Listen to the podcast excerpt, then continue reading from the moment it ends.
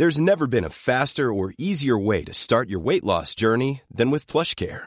PlushCare accepts most insurance plans and gives you online access to board-certified physicians who can prescribe FDA-approved weight loss medications like Wigovi and Zepbound for those who qualify. Take charge of your health and speak with a board-certified physician about a weight loss plan that's right for you.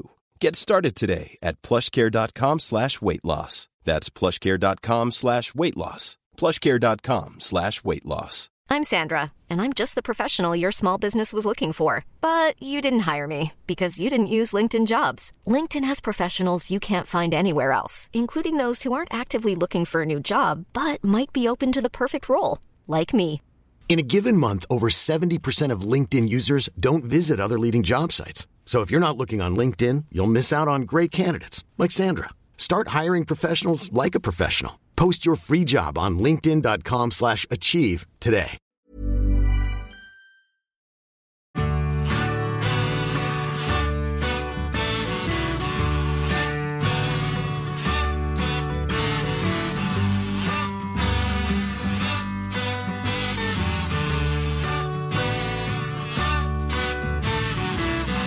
You say you don't wanna talk about it.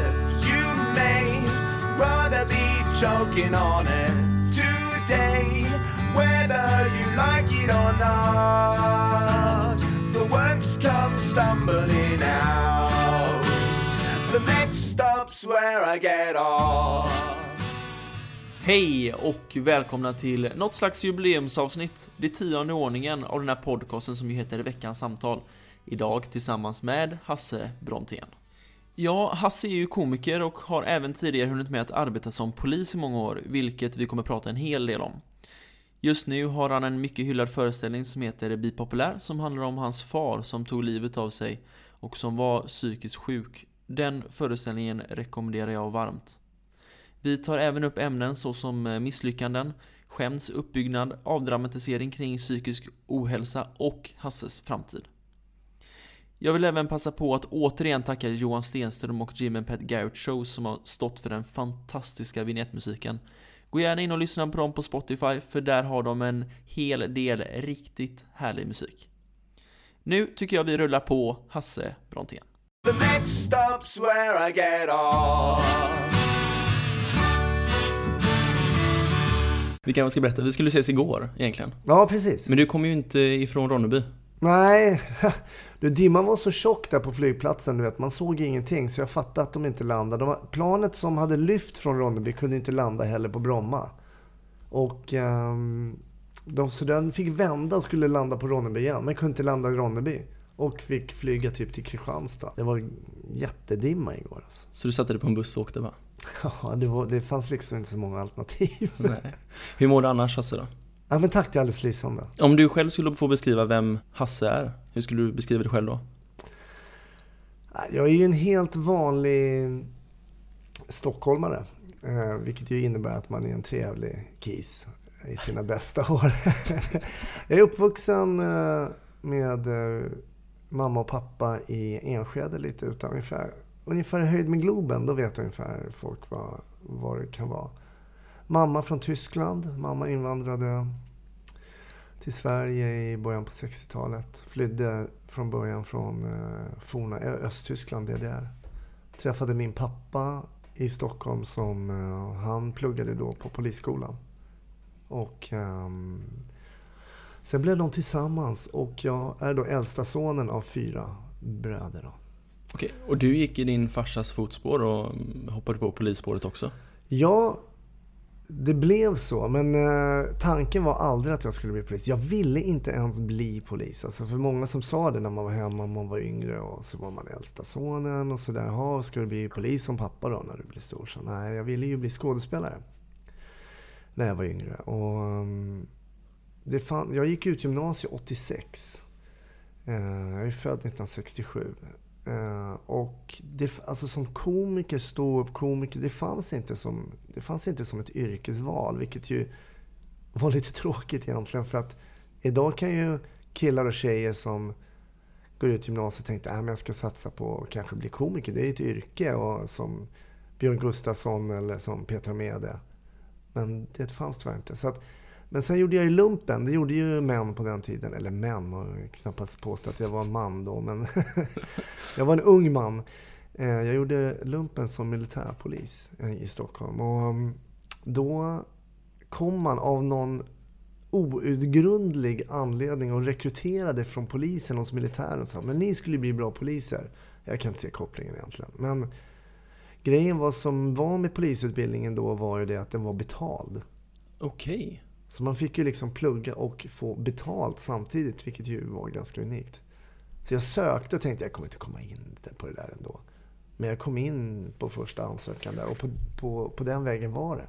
Men det var Polishögskolan vid Solna här uppe eller? Ja, precis. precis. Och hur, hur var det att gå där då, på den tiden? Det var... Ja, men det var bra. Jag, jag var ju lite, så jag kommer vara lite färgad från militären i lumpen. Så här, vi militärpoliser var ju ordning och reda och, och uniformen skulle se likadan ut på alla. Så jag tyckte jag det var lite slappt när jag tyckte att en del gick i olika, så här, hade olika uniformspersedlar. Men det där släppte jag rätt fort.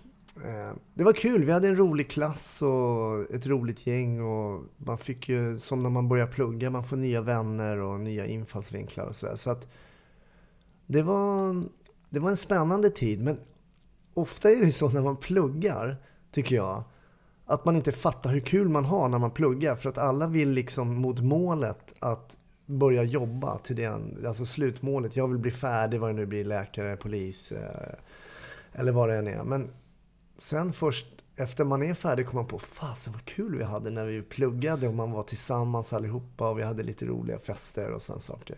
Så att jag försökte, jag var lärare sen och jobbade som lärare på Polishögskolan sen senare och då försökte jag alltid säga det, men glöm inte att ni har det jäkligt kul nu också. Men det är väldigt många som säger det. Och jag, jag är på praktik nu på Södersjukhuset. Uh Och jag känner exakt så som du beskriver nu. Mm. Att fan vad kul det ändå är när man är i skolan. Uh Och det är ganska så, ska man säga slappt? Ja men lite slappt. Man kan ha lite sovmorgon ibland. Ja det är så. Ja men precis. För det, den tiden är ju borta sen. Sen är det slut på sovmorgnarna. Mm.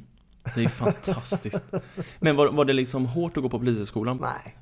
Inte? För Nej, jag vet att du jobbade senare på Norrmalmspolisen och mm. den hade ju ett rykte om sig att vara väldigt, väldigt macho. Ja. Och den... Baseballligan inte minst. Nej, precis. Och den, den andan hade väl börjat att försvinna. Eh, för baseballligan var innan min tid då. 60-talet eller 70? Nej, 80-talet faktiskt. Var det Ja, det var 80-talet. Eh, sen gjorde man ju en, eh, en riktig upprensning där på Norrmalm.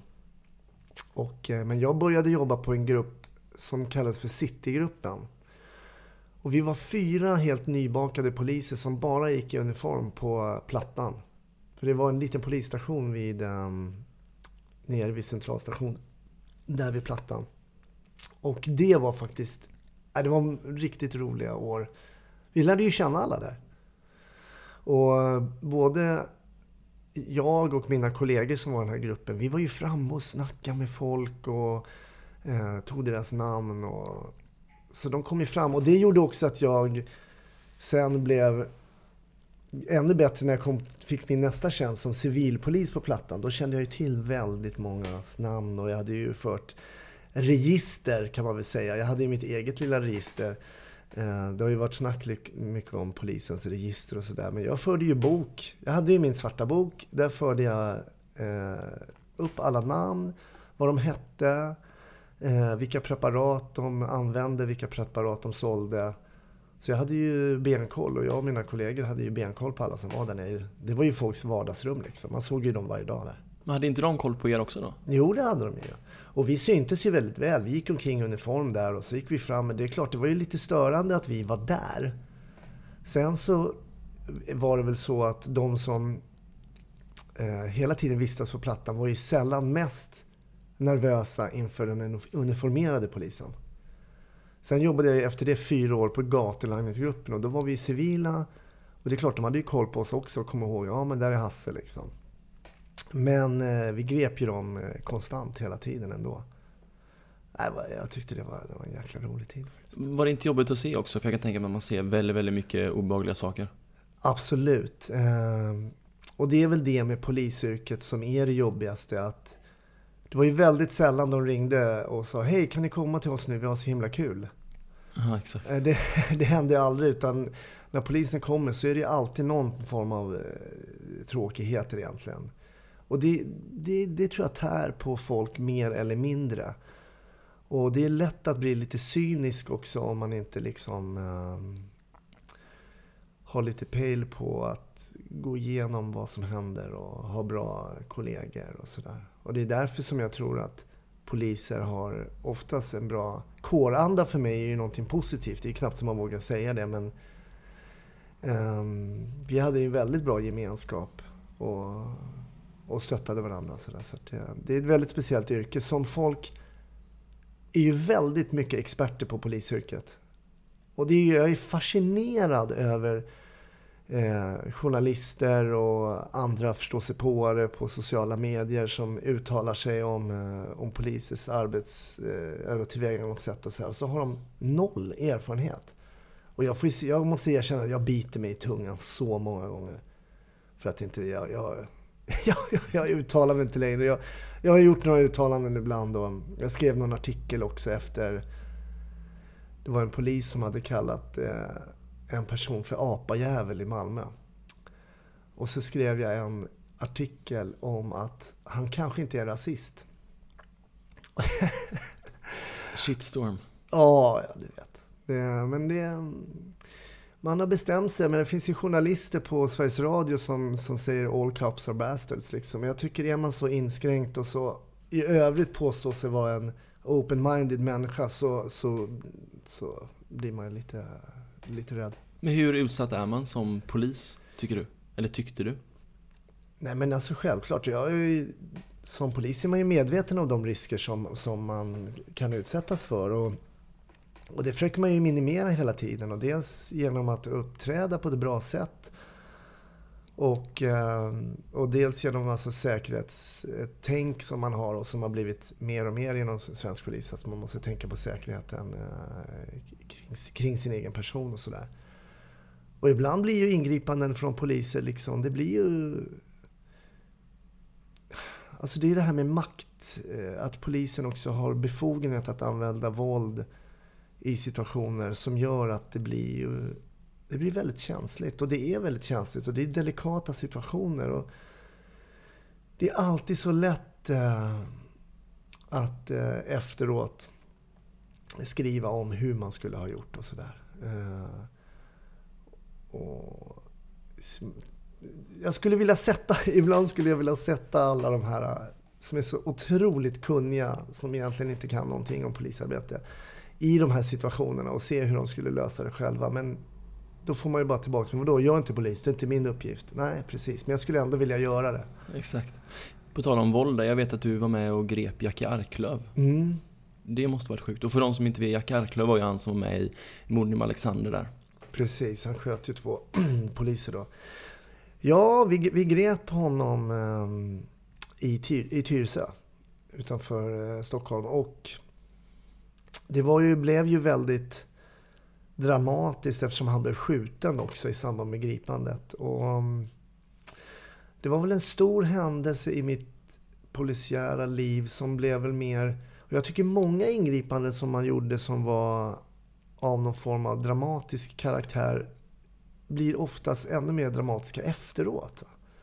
Om man sitter och tänker vad kunde ha hänt om det var så och så och så. Och man bygger upp liksom bilder av eh, scenarion som kunde ha inträffat och vad som kunde ha hänt och sådär. Man tänker på sin dotter och man tänker på sin familj och sådär. Det var nog så att till slut så hade jag mycket tankar kring så här, men alltså det är inte värt det. Vad ska jag... menar, människan är en idiot. Alltså, missförstå mig. Men alltså männi- människan är ju den knäppaste varelsen på jorden. Jag menar, titta vad vi gör mot varandra. Jag menar bara... Jag var på ett jobb här nu ett, som, som komiker då, i förrgår i Ronneby och träffade två kollegor från Norrmalmspolisen. Och vi stod och pratade efteråt och det var jättetrevligt och gamla minnen. Och du vet, tre stycken, jag är ju inte polis längre, men Vissa, vilka knäppa historier vi bara drog på. Vi stod där i två timmar och, över en öl och, och, och skrattade lite. Men Två timmar över en öl. ah, okej då, säg att det var en timme över två öl då. Eh, Okej, okay, vad långdragen. Nej, men det blev inte så många öl i och för sig. Men det var väldigt trevligt i alla fall. Och då bara vilka konstiga historier som kommer upp. Jag kan tänka mig att många av de här historierna som poliser, läkare, sjuksköterskor, brandmän berättar ibland tror inte ens folk på.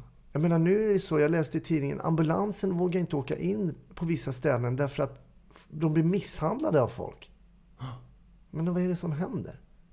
Ambulanspersonal är väl inget hot mot, mot mänskligheten på något sätt? Men just den historien med Jack Arklöv, det måste ju vara en av de mest, om man kan säga fascinerande, men liksom uppseendeväckande historierna. Om du är ute och träffar gamla kollegor eller? Ja, det, jo, det är ju en väldigt, väldigt, det är väl en av de mest, vad ska man säga, välkända kriminella personer vi har haft i Sverige under en väldigt, väldigt lång, lång tid. Så att det är klart att det har gripit honom är ju på något sätt någon, men, men samtidigt så är det ändå bara ett gripande i mängden. Och mm, man ska verkligen inte eh, förhöja honom på något sätt. Eh, men mm, det var egentligen också eh, bara ett gripande i mängden när det hände. Sen efteråt så har det blivit väldigt, väldigt stort. Och det var också, jag åkte ju med honom i ambulansen in till Södersjukhuset. Och sen åkte jag tillbaka ut till Tyresö och då var det som att komma till en, till, typ till en film. Det var helikoptrar och det var piketbussar och poliser och insatsstyrkor och avspärrningar i, med dubbla band liksom. Och jag tänkte, var det precis var det precis här jag var? Och folk skulle, de skulle ner i källare och de är i källare, men han var ju själv liksom. Så det blev ett jäkla pådrag där. Pratade du med honom i ambulansen? Eh, jag pratade med honom mest när han låg ner på marken och var skjuten.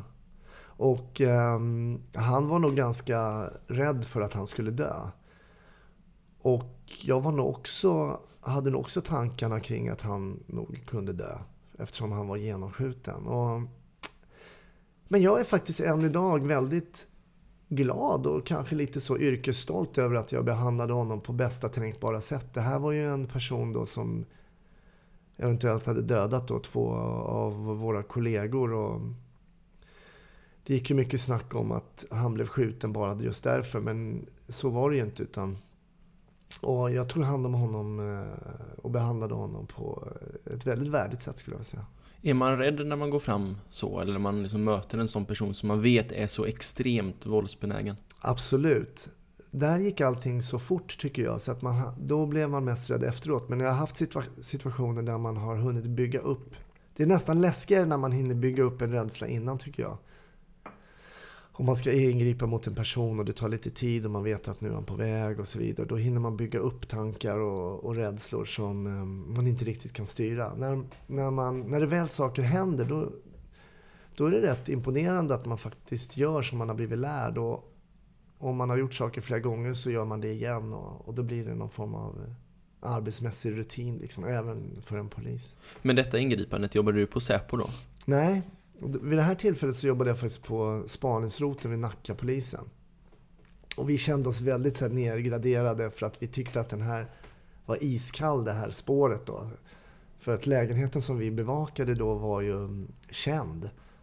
Och vi visste ju att eh, Arklöv kände till att vi visste om den. Så då kände man så här, här får vi sitta Nackas barn liksom.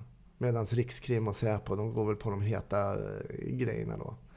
Um, men så dök han ju faktiskt plötsligt upp från ingenstans egentligen. Men hur skiljer sig jobba på Säpo exempelvis? För det är väl liksom ytterligare ett steg i, om man kan kalla det för hierarki, men det är det väl? Ja, alltså Säpo det är väl det absolut tråkigaste jag har gjort. Ja, det är så? Är det mycket vänta? Eller jag kan tänka mig att man sitter och väntar och väntar och väntar. Det är ju så att det finns ju väldigt mycket olika tjänster på Säpo också. Men jag jobbade ju på spaningsroten på Säpo. Och för mig som är en social person så blev det väldigt mycket, precis som du säger, väntan. Och det, ble, det blev för tråkigt för mig. Jag satt och lyssnade på P1 och löste korsord och det kände jag bara så här, nej, jag utvecklas inte av det här. Och där var ju egentligen första steget för mig att gå, att känna så här, jag måste, jag är färdig med polisyrket nu. Och hur tar man sig därifrån då till att bli komiker? För det är ju Alltså jag, det känns som att det är två vitt skilda saker. Det är det ju såklart. Eh, jag, jag, jag höll ju på när jag var yngre, jag höll på mycket med, med spex och trams och sådär i skolan och på, även i gymnasiet och även kanske lite på polishögskolan. Men på ren amatörnivå. Men har väl som många killar då när man var yngre haft ett självförtroende som inte var baserat på någon form av verklighet. Utan tyckte att jag är så himla bra. Och rolig då. Um, men sen började jag hobbyskoja lite på lite ståuppklubbar i, i Stockholm. Och jag hade ju, man pratar ibland som, om, som komiker pratar man om att ha ett tredje ben. Till exempel att ja, Babben är tjock och eh, Jesper Odeberg är CP och Özz är från, i Hårö från Kurdistan. Det kan vara bra att ha ett sånt tredje ben att gå in på. Och mitt tredje ben var ju lysande. Jag var inte bara komiker utan även polis. Och det var ju unikt och det var ju det jag skämtade om egentligen bara i början. Så att jag fick rätt mycket bokningar och efter två år så, och jag har kört parallellt som polis så kände jag så här, äh, men jag ska pröva och se om det går att försörja mig som, som komiker. Och sen dess har det faktiskt funkat och det är jag väldigt ödmjuk inför. Och du gick ut, du gick ut Polishögskolan 1991 va? Ja, precis. Och du började som komiker på heltid 2006, eller? Ja, precis. Okej. Okay. Så det var ju många år emellan där. Ja, verkligen. Men mycket erfarenhet också? Absolut, och ibland har man ju tänkt tanken så att oh, jag kanske skulle ha, tänkt om jag hade börjat jobba som komiker lite tidigare. Men det är ingen idé att ångra det som har varit. Utan, och jag hade inte varit den jag är heller som du säger. Så det ligger ju mycket, mycket erfarenhet eh, i en liksom. Genom att ha haft det yrket som man har haft. Man har ju sett väldigt mycket och sådär. Och det har väl gjort en till den man är idag också. Men tar du med dig någonting från polisyrket mer än liksom en persona som du kan slänga på att liksom, du är polis? För det kan jag ju tänka mig att man kanske gör ibland. Ja, men jag undrar om inte jag har slipat bort det väldigt, väldigt bra. Jag har hört många säga så alltså jag kan inte ens föreställa mig att du har varit polis. Mm. Jag tar det som, nästan som en komplimang. Men ähm, jag vet inte, jag... Jag är, jag är nog väldigt lite polis i mitt sätt att vara idag. Jag har helt släppt det här på att kolla på folk på krogen. Om dem, för det var ju det mycket jag jobbade med förut. Jag var ju på den här rave-kommissionen och vi kollade mycket om folk var påverkade, tog in dem för det. Docklands eller? Docklands var vi mycket på där 96, 97. Jag var där när Gudrun Schyman var där och dansade. Men det, folk säger så men hur kunde man vara där? Men det, det är ju enkelt som polis. När du jobbar som polis så har du ju, ganska, du har ju väldigt tydliga regler och det är ju svenska lagen. Liksom. Så sen har man det är ingen idé, man kan inte ha åsikter kring den lagstiftningen som har liksom demokratiskt liksom tagits fram. Så sen kan man ju ha åsikter om att narkotikalagstiftningen är för restriktiv i Sverige eller så, men det får man ju ha i val liksom. Eh, men, så jag tycker det var väldigt enkelt ändå att, att jobba utifrån de gällande regler som var. Och, eh, nej, var, eh, just den tiden var väldigt rolig tid. Finns det några tankar som du hade förr, alltså när du jobbade som polis? Exempelvis då att eh, gräs är dåligt. Som du har ändrat tills idag, där du tänker liksom att ja, men gräs är helt okej ändå. Alltså jag har fått så otroligt, jag vet inte hur många man har förhört och pratat med, med tusentals personer kanske just om narkotikafrågan. Och jag tycker det är en så otroligt komplex fråga. Eh, eh, jag tog en heroinist en gång, för han blev medtagen för urinprov liksom, från Plattan. Vi åkte in och så jag sa, men nu har du, du har rökt på också. Han bara, för helvete, det där, det där rör man, det där ska du aldrig röra. Rör inte cannabis, maja det där, rör aldrig det. Det är det, det, är det värsta. Så det satt alltså en en heroinist, intravenös heroinist och tyckte att gräs var det värsta som fanns. Så det är oerhört, liksom, man går från person till person så är det oerhört subjektiva bedömningar. Men sen kan man ju också se då, som många säger, oh, om folk rökte gräs istället för kröka så skulle man inte spöa på varandra. Alkohol är värre och så vidare. och så vidare. Och det, det är mycket möjligt. Jag har inte den erfarenheten. Men just att säga att vi har en korkad drog, vi kan väl ta in fler. Liksom. Det är ju sällan, tycker jag, ett gott argument. Men jag har ju jättemånga nu och komikervänner som de puffar ju på konstant. Liksom. Och, ja, jag vet inte, de är väl varken smartare eller, eller dummare än någon annan. Eh, vad jag kan märka, men jag är ingen läkare. så. Vet du folk som puffar på innan gig? det beror på hur du menar, lång, hur långt innan. Nej, jag Ja. menar liksom precis innan. Som Aldrig, liksom. aldrig sett det. Sen så tror jag att folk drar sig lite för att Ibland kan det vara så, ja men nu är Hasse här, men vänta nu, jag har inte varit polis på nio år snart, Du, slappna av. Vad tror jag ska göra? Ska jag ringa in någon eller? Piketen kommer här inrappelerande. På så- Norra Brunn. Ja, precis. Så folk har lite så här, jag bryr mig inte om folk. Folk får ju, jag menar, jag har inga, jag har inga, I'm out of my jurisdiction nu liksom. Om folk vill knarka så, så har inte jag någonting och jag yttrar mig inte om det liksom. Vad är det svåraste med att vara komiker? Ehm, det, dels är det ju varit väldigt... Det som, med tanke på att jag hade jobbat statligt så många år och var van vid att man gick till jobbet, den 25 ramlar in en lön. Oavsett om du tyckte att du hade varit väldigt energisk och duktig och pådrivande på din arbetsplats så kom det ändå ner en lön. Som eh, egenföretagare och frilansande komiker så kan man inte sitta och, och pilla sin navel liksom, för då ramlar det inte in någon, någon lön överhuvudtaget. Så det är ju en väldigt, väldigt stor skillnad. Man måste ju ha ett driv att hitta jobb och att hitta kanaler och få nya jobb och sådär. Så det är ju den största skillnaden tycker jag. Men trivs du med det? Jag tycker, jag, jag tycker det är, är fantastiskt. Det, det har tagit ett tag att liksom... ehm, att vänja, att gå från... Man, jag skulle bli jag var så förstatligad liksom. Och att jobba i en statlig myndighet alltså, är ju väldigt speciellt. Och man blir lite sådär... Äldre kollegor ibland var när man kom in och hade idéer och tankar och så här, lugna ner dig liksom. Slappna av, det är bara att rulla på liksom. Man, och jag kan ju se många duktiga, kreativa människor som har jobbat som, inom polisen har ju lämnat. För de, de känner att de stagnerar. Och det är tråkigt. Och jag tror att där tror jag polisen och andra statliga myndigheter har lite att jobba på.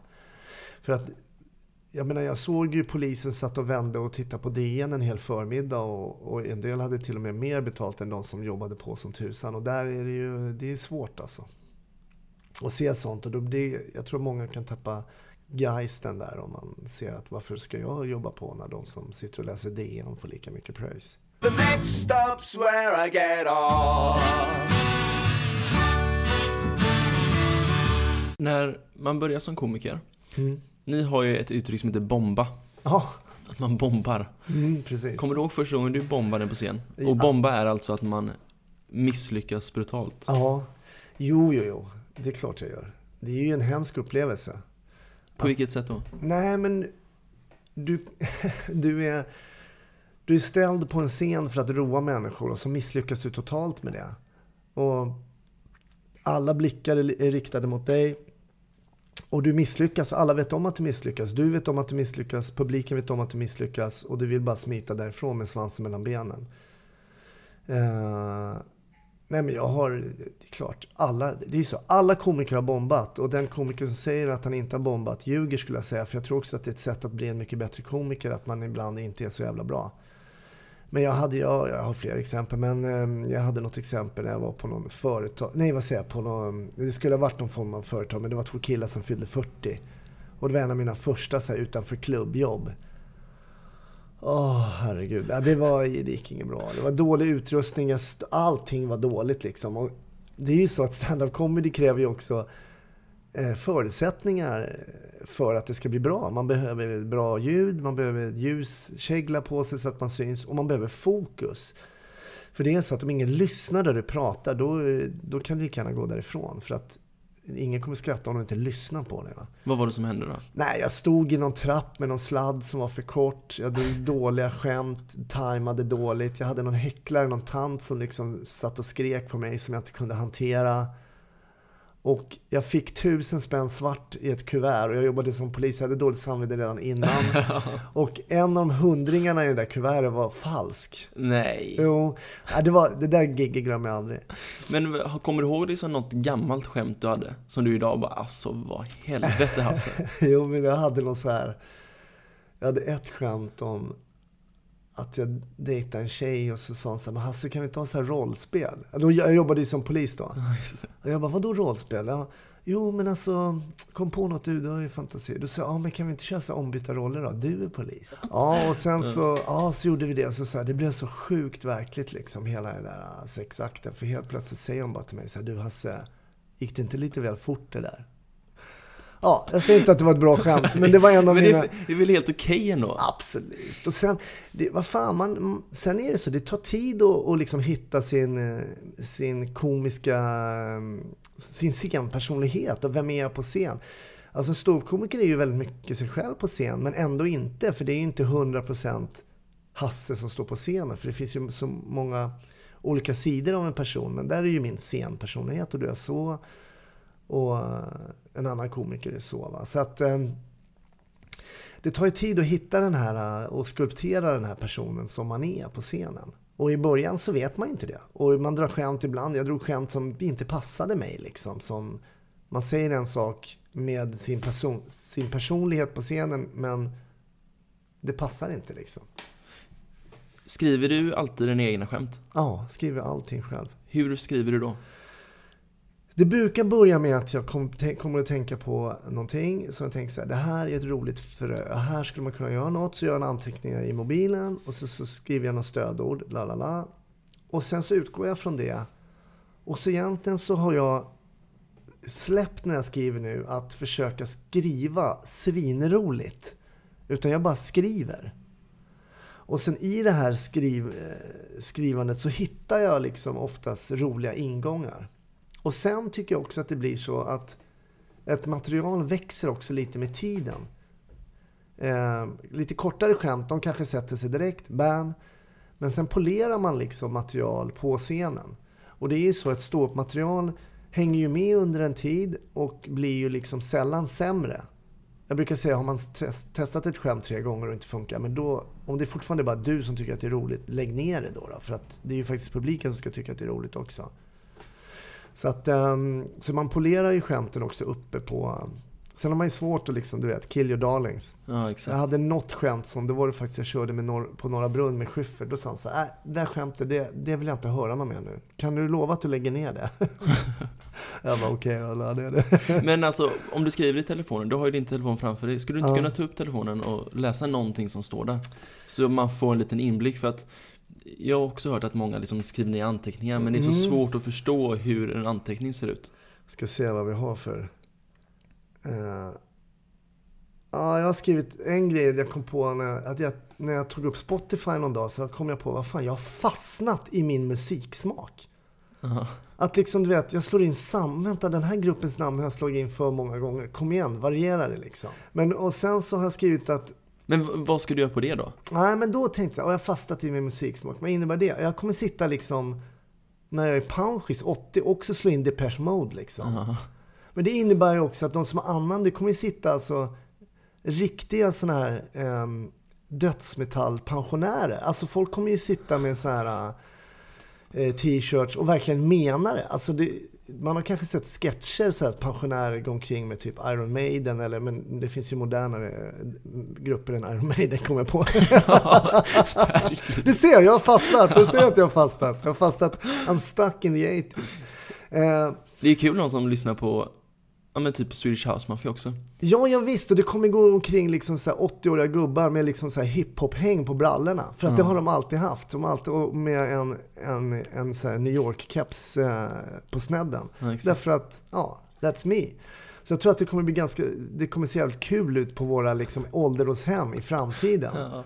Och när man, eh, du vet, man, om du har en 80-årig gubbe som säger 'smack my bitch' liksom. och använda så här uttryck som pimps and bitches och bros before hoes och så här. Det kommer ju vara det. De som är coola nu, de, det kommer ju bli det tugget liksom.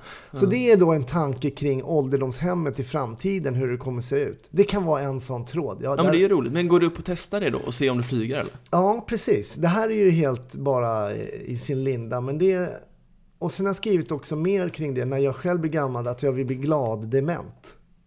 Att jag, jag vill, om, jag blir, om, jag blir, om jag blir så här dement så vill jag vara så här bara glad dement liksom. Alltså jag vill bara sitta på hemmet och vara så här glad åt alla småsaker så att jag är så här kul för personalen och så. Jag vill inte bli en sån där jävla... Jag vill inte komma ihåg bara de här, du vet, tråkiga sakerna i livet som en del äldre som bara sitter och minns tråkiga saker. Jag vill bara, jag vill vara fräsch och le. Alltså jag vill bara se... I'm Sandra, and I'm just the professional your small business was looking for. But you didn't hire me because you didn't use LinkedIn jobs. LinkedIn has professionals you can't find anywhere else, including those who aren't actively looking for a new job but might be open to the perfect role, like me. In a given month, over 70% of LinkedIn users don't visit other leading job sites. So if you're not looking on LinkedIn, you'll miss out on great candidates like Sandra. Start hiring professionals like a professional. Post your free job on linkedin.com/achieve slash achieve today. Hey, it's Ryan Reynolds, and I'm here with Keith, co star of my upcoming film, If, only in theaters, May 17th. Do you want to tell people the big news? All right, I'll do it. Sign up now and you'll get unlimited for $15 a month in six months of Paramount Plus Essential Plan on us. Mintmobile.com slash switch. Upfront payment of $45 equivalent to $15 per month. Unlimited over 40 gigabytes per month. Face lower speeds. Videos at 480p. Active Mint customers by 531.24 get six months of Paramount Plus Essential Plan. Auto renews after six months. Offer ends May 31st, 2024. Separate Paramount Plus registration required. Terms and conditions apply if rated PG. Wow. Nice. What you're hearing are the sounds of people everywhere putting on Bombas socks, underwear, and t-shirts made from absurdly soft materials that feel like plush clouds. Yeah, that plush. And the best part? For every item you purchase, Bombas donates another to someone facing homelessness. Bombas. Big comfort for everyone. Go to bombas.com slash ACAST and use code ACAST for 20% off your first purchase. That's bombas.com slash ACAST. Code ACAST. Jag vill bara sitta på ålderdomshemmet och bara vara fräsch och le. Tvätta mig och le. Jag Är vill... man så fräsch som man är på ett ålderdomshem då? Nej, men man kan ändå vara liksom fräsch. Jag vill vara fräsch. Jag vill liksom så här duscha. Jag kan vara dement, men det, jag kommer ihåg ändå så duscha varje dag. Och sätter på mig lite så här aftershave. Och de här unga killarna och tjejerna då som ska ta hand om mig. Så, ah, men han Brontén. Visst, han är dement, men han är fan bara glad dement liksom. Och så drar jag gamla så här sjukt tråkiga skämt från att berätta att jag var ståuppkomiker. Och så din Persmos-tröja på. Ja, precis. Sen Depeche Mode på tishan och sen allt frid och fred. Nej, men lite så då. Hur är ett skämt uppbyggt då? För jag vet att det är...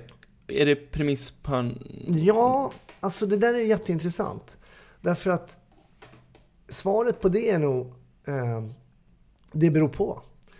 För att skämt är ju, om man tar, om vi ska ta två ytterligheter tycker jag inom svensk comedy, hur man, om man kan se skämtuppbyggnad, så skulle jag kunna ta som exempel Robin Paulsson, som ju har sin talkshow Robins, eh, som är ju extremt eh, med eh, punch. Han har, eh, han har liksom en uppbyggnad och en punch. Eh, klassiska, eh, något klassiskt Robin-skämt kan väl vara liksom han har ett jävligt roligt skämt så här. Det, hade han, det har han kanske inte längre, men när han bodde hemma, ser man har känt honom ett tag. Nej men så hade han ju så här, eller han berättade om, han har varit på en toalett någon gång. Och det står så här, vill du knulla? Och telefonnummer. Känner du igen det? Nej. Nej, men det kan stå på toaletter ibland. Och då, så här, då står det så här. Eller du- har du menar, jag Ja, tror du på- menar att om det var så att det är en liten klistermärke. Nej, nej, det är skrivet på Ah, okej. väggen. Ja, det har jag absolut sett. Ja, och då var hans, det är uppbyggnaden av skämtet. Han bara, har ni varit på en toalett där det står så här, vill du knulla och telefonnummer? Alla bara, ja. Fan, jag måste flytta hemifrån alltså. och det är ett klassiskt, eh, klassiskt skulle jag säga som eh, Robin Paulsson. Roligt och smart skrivet skämt. Med en uppbyggnad i det första, alla känner igen sig och sen drar man undan mattan. Ah, det var hemma hos honom. Klassiskt sånt. Ja. Sen kan man jämföra, som jag nämnde, Henrik Schyffert, som ju inte alls är speciellt punchbetonad i sin eh, comedy. Utan som målar ganska mycket bilder av att ehm, han eh, åker omkring i sin bil och berättar då hur det var när han valde bil och hur det luktade och hur det liksom... Och då blir det mer igenkänning och kanske överdrifter, men inte klassiska uppbyggnadsskämt, uppbyggnadsskämt. Så det är väldigt olika och det är ganska intressant att se hur olika komiker gör. Men kan man inte göra tvärtom? Alltså typ i helgen så var jag med lite vänner och drack lite bira på en pub här i Stockholm. Mm. Och då så, nu menar jag inte att vi satt och försökte vara komiker, men vi satt och du vet, sk- skämtade lite med varandra och Ja. skojade lite sådär. Eh, och då så drog man ibland sakerna till sin spets. Och när man gick över den spetsen så blev det inte roligt, men det blev roligt för att det inte var kul. Absolut, och jag vet precis vad du menar. Problemet är ju det att man måste ha med sig, om, man, om du har en betalande publik eller om du är kanske på någon kick-off eller vad vet jag, så måste du ha med dig publiken. När ni sitter i det här gänget så är ni helt med varandra, ni drar de här, ni följer varandra mot den här gränsen. Sen när ni kommer över gränsen så vet ni, och gränsen var ju antagligen att det blev politiskt inkorrekt på något sätt eller att det blev för magstarkt, det var för hårda skämt, det var skämt om barn, det var skämt om sjukdomar och sånt. Och då är ni med på att det här är bara skämt. I vår grupp så är det bara skämt och därför blir det ännu roligare. Men att få med kanske 250 pers på det kan vara väldigt svårt. Därför då tänker man så här, vadå, skämtar de om barn? Eh, det här är inte kul. Kan man skämta om allt då? Absolut, det är jag helt övertygad om att man kan. Men det krävs ju då mer finess. Eh, jag har till exempel inte hört någon skämta om Estonia-katastrofen till exempel. Därför det finns, istället, det finns heller inte något behov kanske att skämta om det. Tsunamin också är väldigt, jag har hört något skämt men inte alls något ämne egentligen för, för humor och sådär. Däremot har man ju hört 9-11, har man ju hört skämt på. Men man brukar ju säga det också att det finns någon form av regel att liksom händelse plus tid lika med humor. Va? Men vissa händelser kräver mycket kortare tid. Att Kikki Danielsson var inne och käkade falukorv på en... Det, det kräver mycket mindre tid än, än förintelsen. Jag hörde att eh, Özz Nujen hade varit i New York en gång. Ja, just det. Det är otroligt roligt. Och skämtat om 9-11 ja. Ja, han sa eh, Hello, it's very nice to be here in New York. Uh, but I have some very bad memories from New York. One of my relatives died in 9-11. It was he that flew the plane. Ja, den är ju Precis. hård alltså. Det är, det är ju ett, eh, ett väldigt hårt skämt för de som är drabbade i New York. För, och jag tror att de kanske hade svårare skratt. Han berättade ju att han fick ju inga skratt på det heller. Men i Sverige får han skratt på det. Därför att vi skrattar åt hans situation också. Att stå i New York och dra det och vi fattar. Och då skrattar vi åt honom att han inte fick något skratt. Ja men, Men- där, har vi ju ett, återigen ett sånt exempel. Och han, han, för han drog ju vidare på det, berättade han. Att det var en eh, svart man som ställde sig upp och sa You get fire motherfucker. Och så sa han Sir can you please smile so I can see you? Ja, precis. Det är ju så hårt alltså men det är... Sen måste man ju ta allt Östnöjen säger med en nypa salt. Jag vet inte ens om det är sant att han har varit Nej. i New York och Nej, dragit de där skämten. Förmo- Förmodligen inte men det är fortfarande väldigt kul ju. Absolut. Och, och det är ju också ett väldigt rasistiskt skämt då som han drar om den här svarta.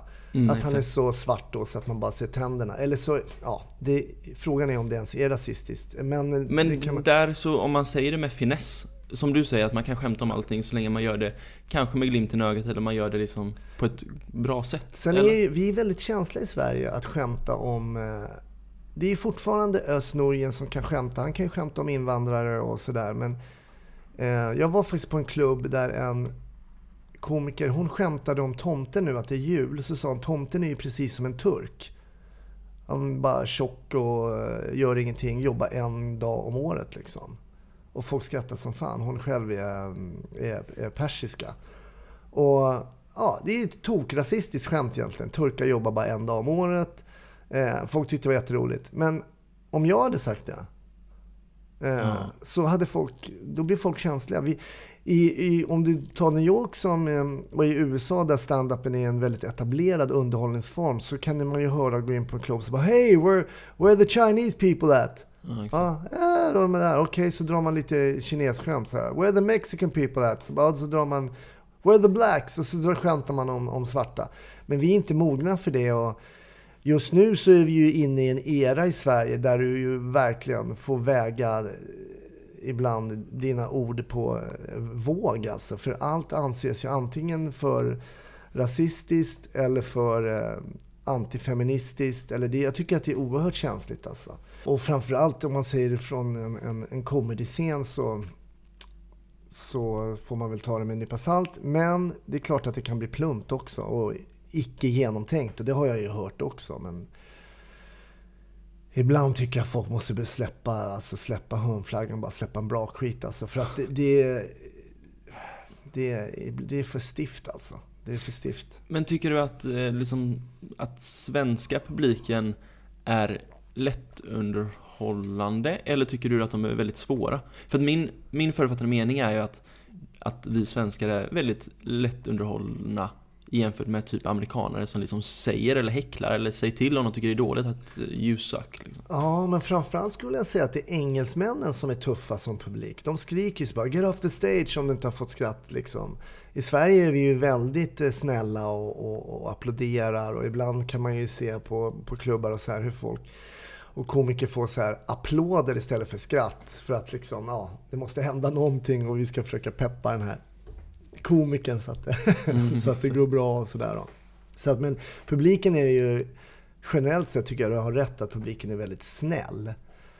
Eh, inte alltid dock, men eh, sen beror det på vad man får för konstellation av människor. Det är ju väldigt intressant. Jag menar, kör man ett, som komiker om du kör en klubb på en fredag och så säger du att du nästan har en karbonkopia på ditt material till på lördag. Det blir ju aldrig exakt likadant, men så kan reaktionerna vara helt annorlunda.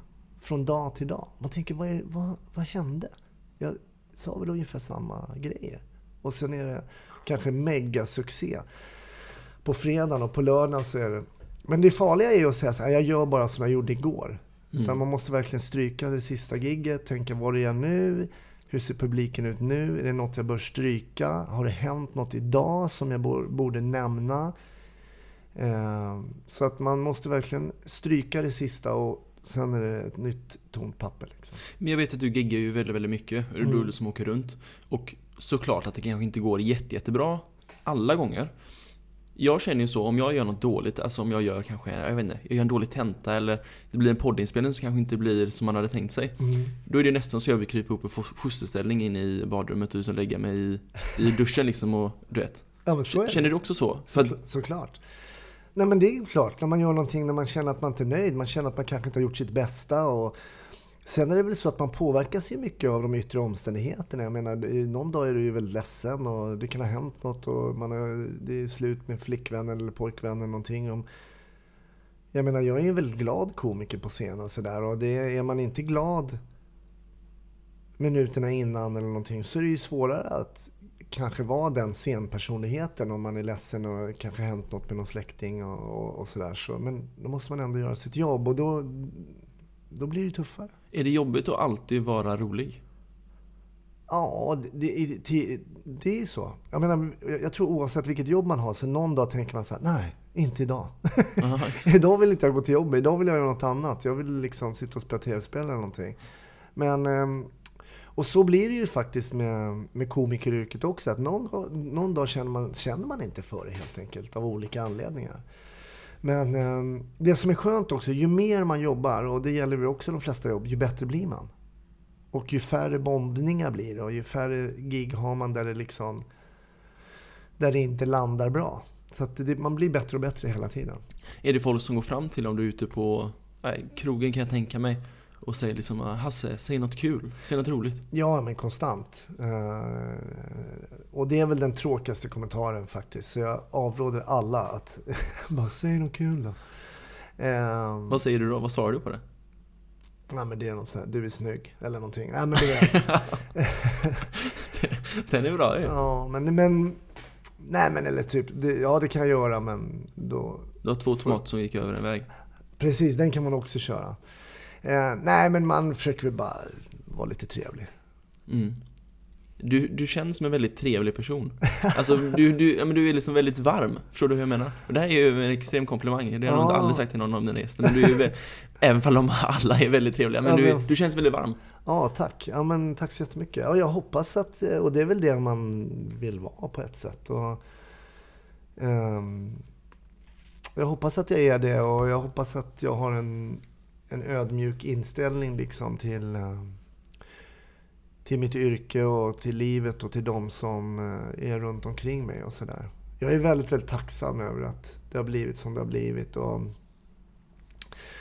men man vet ju aldrig, det här kan ju ta slut liksom. En dag så får man inte så mycket mer jobb och då... då jag, jag, vill liksom, jag vill vara glad och ha ett roligt liv. Jag tycker det är viktigt och jag är, ganska, jag är övertygad om att vi har bara ett liv. Jag tror inte på någon gud, jag tror inte på någon religion. Eh, ateist eller om jag inte är antiteist. Jag är helt emot religioner. Jag skulle vilja styra upp det där lite. Exakt. jag, jag, jag vet att du har en föreställning också som heter Bipopulär. Mm. Vill du berätta lite om den? För den är ju väldigt hyllad, säger jag nu. Mm. Inte du, så du behöver, inte, du behöver varken säga ja eller nej, men den är ju väldigt hyllad. Vill du Mm. berätta lite om den? Ja, ehm, det började faktiskt med att jag gick till en... Att jag gick själv till en terapeut. Eh, eh, psykoterapeut för att det hade tagit slut med min dåvarande flickvän. Jag tänkte så här, jag är verkligen sämst att vara ihop med. Alltså det är någonting med mig. Så tänkte jag kanske ska lära känna mig själv lite mer. Eh, vilket ju faktiskt var ett väldigt klokt beslut tycker jag. Eh, så jag gick och pratade med en terapeut. Jätteintressant måste jag säga. Eh, berättade hur jag kände och, och varför jag ville prata med henne och så här. Och mycket var kring mig och kring så här förhållanden och sånt där. Då. Mycket kom att handla om min pappa. Men mycket gick tillbaka till min pappa och hur, när jag växte upp och, och sådär. Min pappa var ju psykiskt sjuk.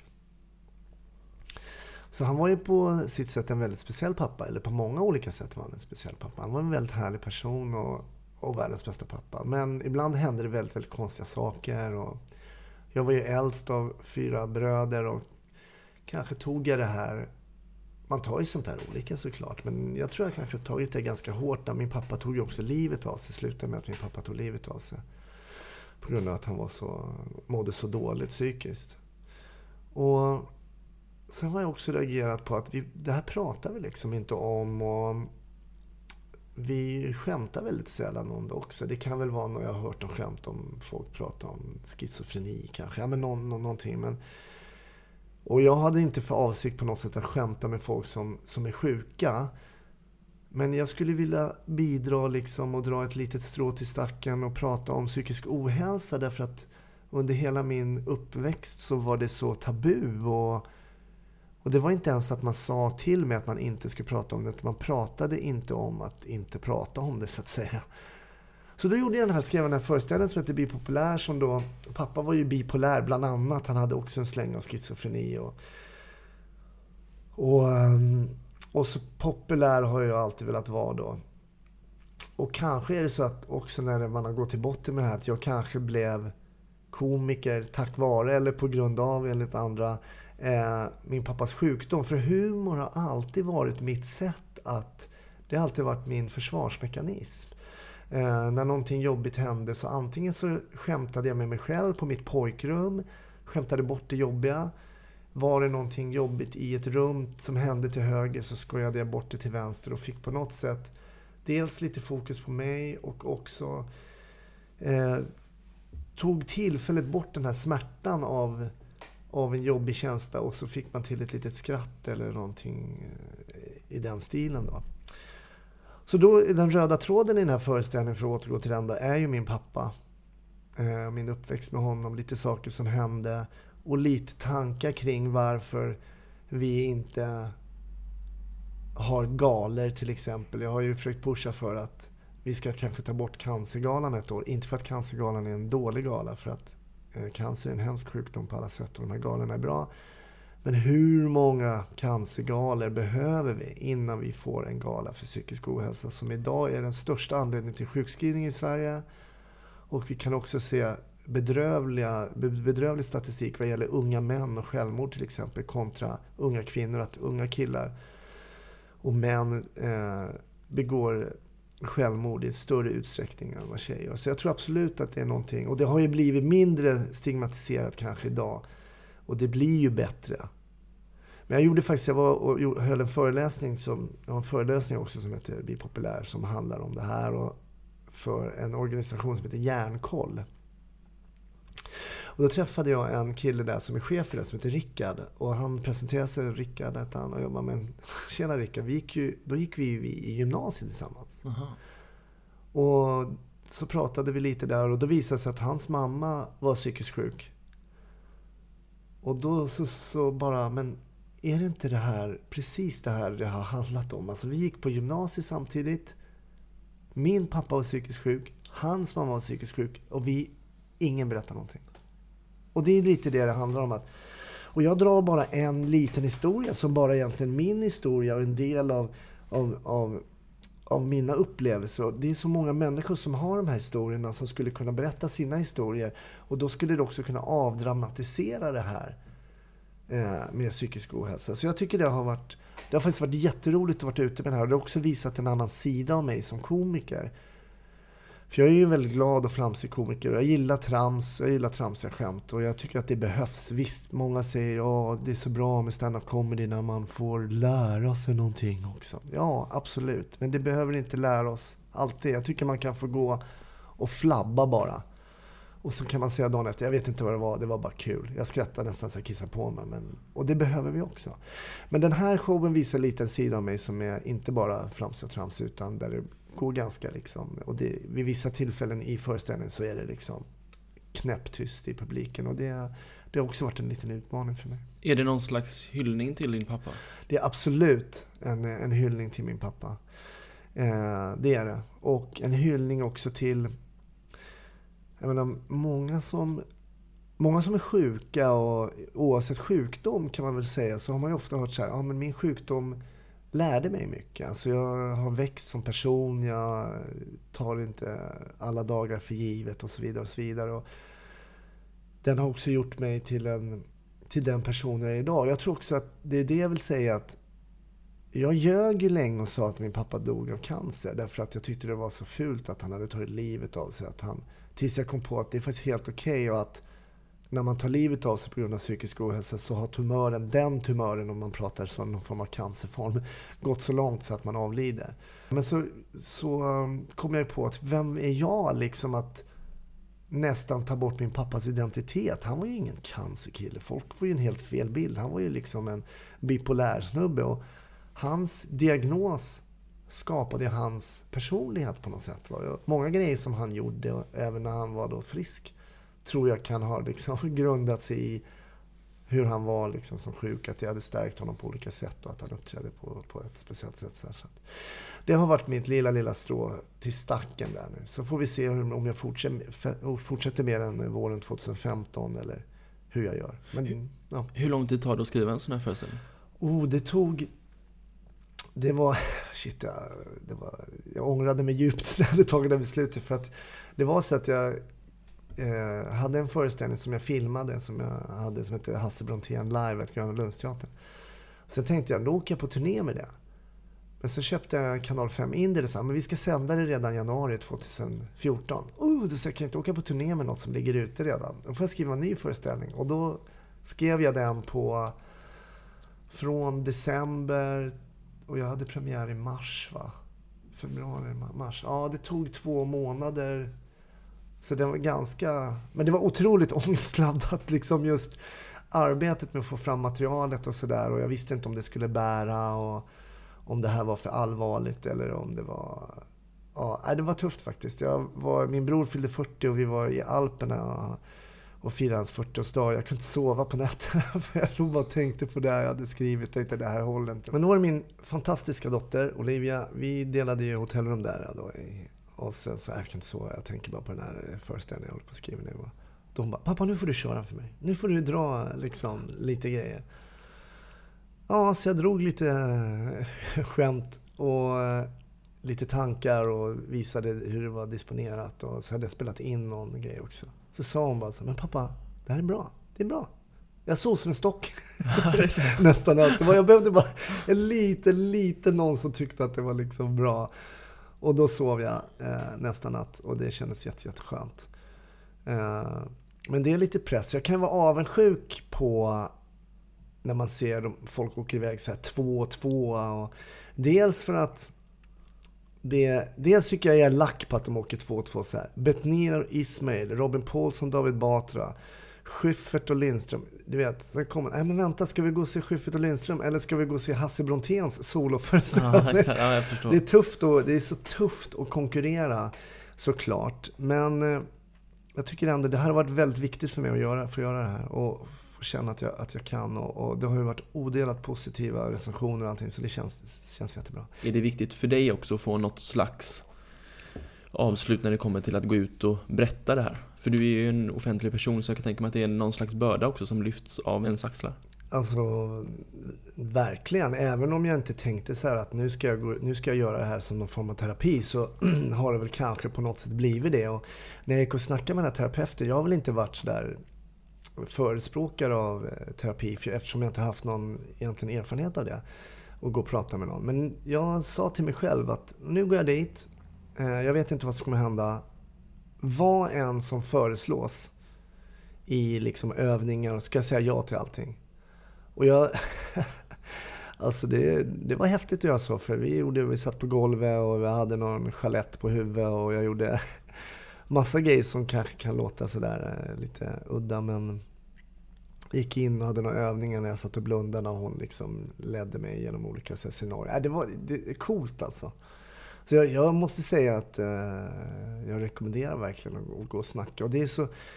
Någon säger äh, att man ska snacka med polare. Men nej, alltså kompisar vill ju alltid vara vän med dig och de tar ju alltid ställning och kanske ibland eh, till din fördel när de kanske inte egentligen alltid håller med dig, men att de gör det för att de är vänner. Och det, det är skönt att prata med någon som inte alltid eh, bedömer den ur ett vänskapsperspektiv och ställer andra frågor. Då, som... Så det var, det var en eh, kul erfarenhet och nyttig erfarenhet för mig. Går du fortfarande i terapi? Nej, ja, det var bara slut för några veckor sedan. Då sa jag det till Lena som hette att nu får du nog inte se mig på ett tag. Eh, för att jag mår väldigt bra. Och... Men jag, är, jag kommer gärna tillbaks om jag känner att det behövs. Så att, hon tyckte väl att det kändes rätt okej att jag lämnade henne tror jag. Ett bra closure då kanske? ja, jag tror det. Vad har du för planer framöver alltså? Um, nu är nu här, december 2014 så skulle jag vilja åka iväg nu först och ta semester. Det vore jätteskönt. Jag älskar att spela golf. Jag tyckte det var jättetöntigt förut, men nu måste jag erkänna att jag har blivit en golfnörd. Mm. Eh, otroligt terapeutisk form av träning och eh, sådär. Jag tycker det är kul. Men sen eh, fram till våren så ser jag nog fram emot att bara jobba på, skriva lite nytt. Jag har en tanke om en ny eh, föreställning som ligger som ett frö i huvudet. Eh, som nog kommer ta betydligt längre än två månader att skriva kan jag säga. Inte för att den på något sätt är svårare, men för att jag tror att jag behöver mer tid. Jag var så stressad eh, förra gången. Sen vill jag jobba, jobba på bara, köra mycket stand-up. Men jag är ju inte alls främmande för att göra andra grejer heller. Jag skulle vilja leda saker. Jag har ju lett galor som jag tycker är jätteroligt. Jag var och ledde något som heter Landskronagalan, en stor gala för flera tusen människor där man på något sätt programleder utan att det filmas då, då. Men jag skulle jättegärna kanske leda saker, göra något, kanske lite mer TV till och från. Du var även med i uh, Ladies Night. Ja, precis. Du ledde inte så, men du var ändå, är det lite sådana grejer du skulle vilja göra eller? Det var ju fantastiskt roligt att göra Ladies Night. Det var ju en upplevelse. Och sen var det så coolt att få åka turnébuss runt i landet med Magnus Uggla som man har diggat sen man var eh, liten liksom. Så att, och det var en väldigt speciell upplevelse. Ja, sånt. Åka på turné övrigt. Vi gör ju en sommarturné som heter Sunny Standup där vi är ett helt gäng komiker. Och det är ju väldigt, väldigt roligt. Jag har ju alltid jobbat i grupp. Jag menar, som polis jobbar man ju alltid två eller fler. Jag tycker det är jättekul. Jag har också jobbat lite i redaktion eh, med, i tv-program bakom liksom, kameran som har skrivit och sådär. Och det är också roligt att jobba i grupp. Så jag tycker det är kul att göra något. Jag skulle gärna hoppa in och göra någon TV, alltså någon, du vet, spela någon karaktär i någon, i någon serie. Alltså skådespel. Det var ju min dröm var ju att bli skådespelare när jag var liten. Det var ju det som var drömmen. Och så, ibland har man hoppat in och gjort någon mindre roll här och där. Så känner man åh, det är kul att bli regisserad. Jag gjorde också någon röst i någon så här... Eh, animerad film, Kung Fu Panda, så var jag en, den här, en av de här Furious Five. Var kul att bli regisserad och känna att det funkar. Nej men du ska inte säga så, säg så, var mer arg. Mm, alltså. Det måste ju vara ett jävligt roligt jobb alltså, sitta och snacka, typ som vi sitter här nu, liksom två mickar framför ja. och gå in i ett rum. Är det ett bås eller? Som ja, ett litet bås, ja. så blir man regisserad. Och där var det ju mycket haja, du vet man skulle köra Kung Fu-ljud. Eh, jag hade ingen jättestor roll där, men det är jättekul. Så det skulle jag kunna vilja göra också. Så jag är öppen för det mesta. Jag skulle jättegärna vilja komma och kolla på dig igen, säger jag. Mm. Eh, det här släpps ju imorgon då, det här är torsdag, släpps ja. fredag. Eh, var kan man Då ska vi se, det? då ska vi se. Då tar vi fram den här eh, apparaten då som kallas för mobiltelefon. Eh, Och så ska vi se vad jag är. Jag är... Nu ska vi se. Jag såg att du hade några tider på Norra Brunn, men det kanske inte är... Ja, men det kan nog stämma. Det borde jag ha. Jag är... Nu ska vi se här. Fasen, jag är på Rå har så här julbord också. Rås julgrejer den 17 december. Sen har Norra Brunn den 9 december också. Ja, då kanske jag kommer förbi. Ja, men gör det. Och sen hojtar du till. Är det någonting som jag inte har pratat med om som du trodde att jag ville prata med om? Oh, det är massor. Kör en timma till, special. Ja, vi får köra special. Nej då, nej men vi har ju blandat lite. Vi har blandat lite polisiärt, lite hur det är att vara som komiker och lite hur det är med att inte prata om sin förälder som är psykiskt sjuk. Eh, Så att, ja, men det, var lite, det har varit lite blandat. Det var väldigt trevligt att få sitta ner med dig lite. Ja, men tack Johan att jag fick komma förbi.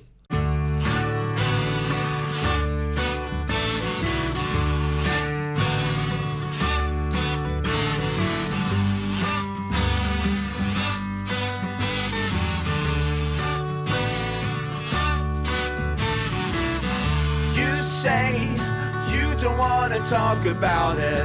You may rather be choking on it today, whether you like it or not. The words come stumbling out. The next stop's where I get off.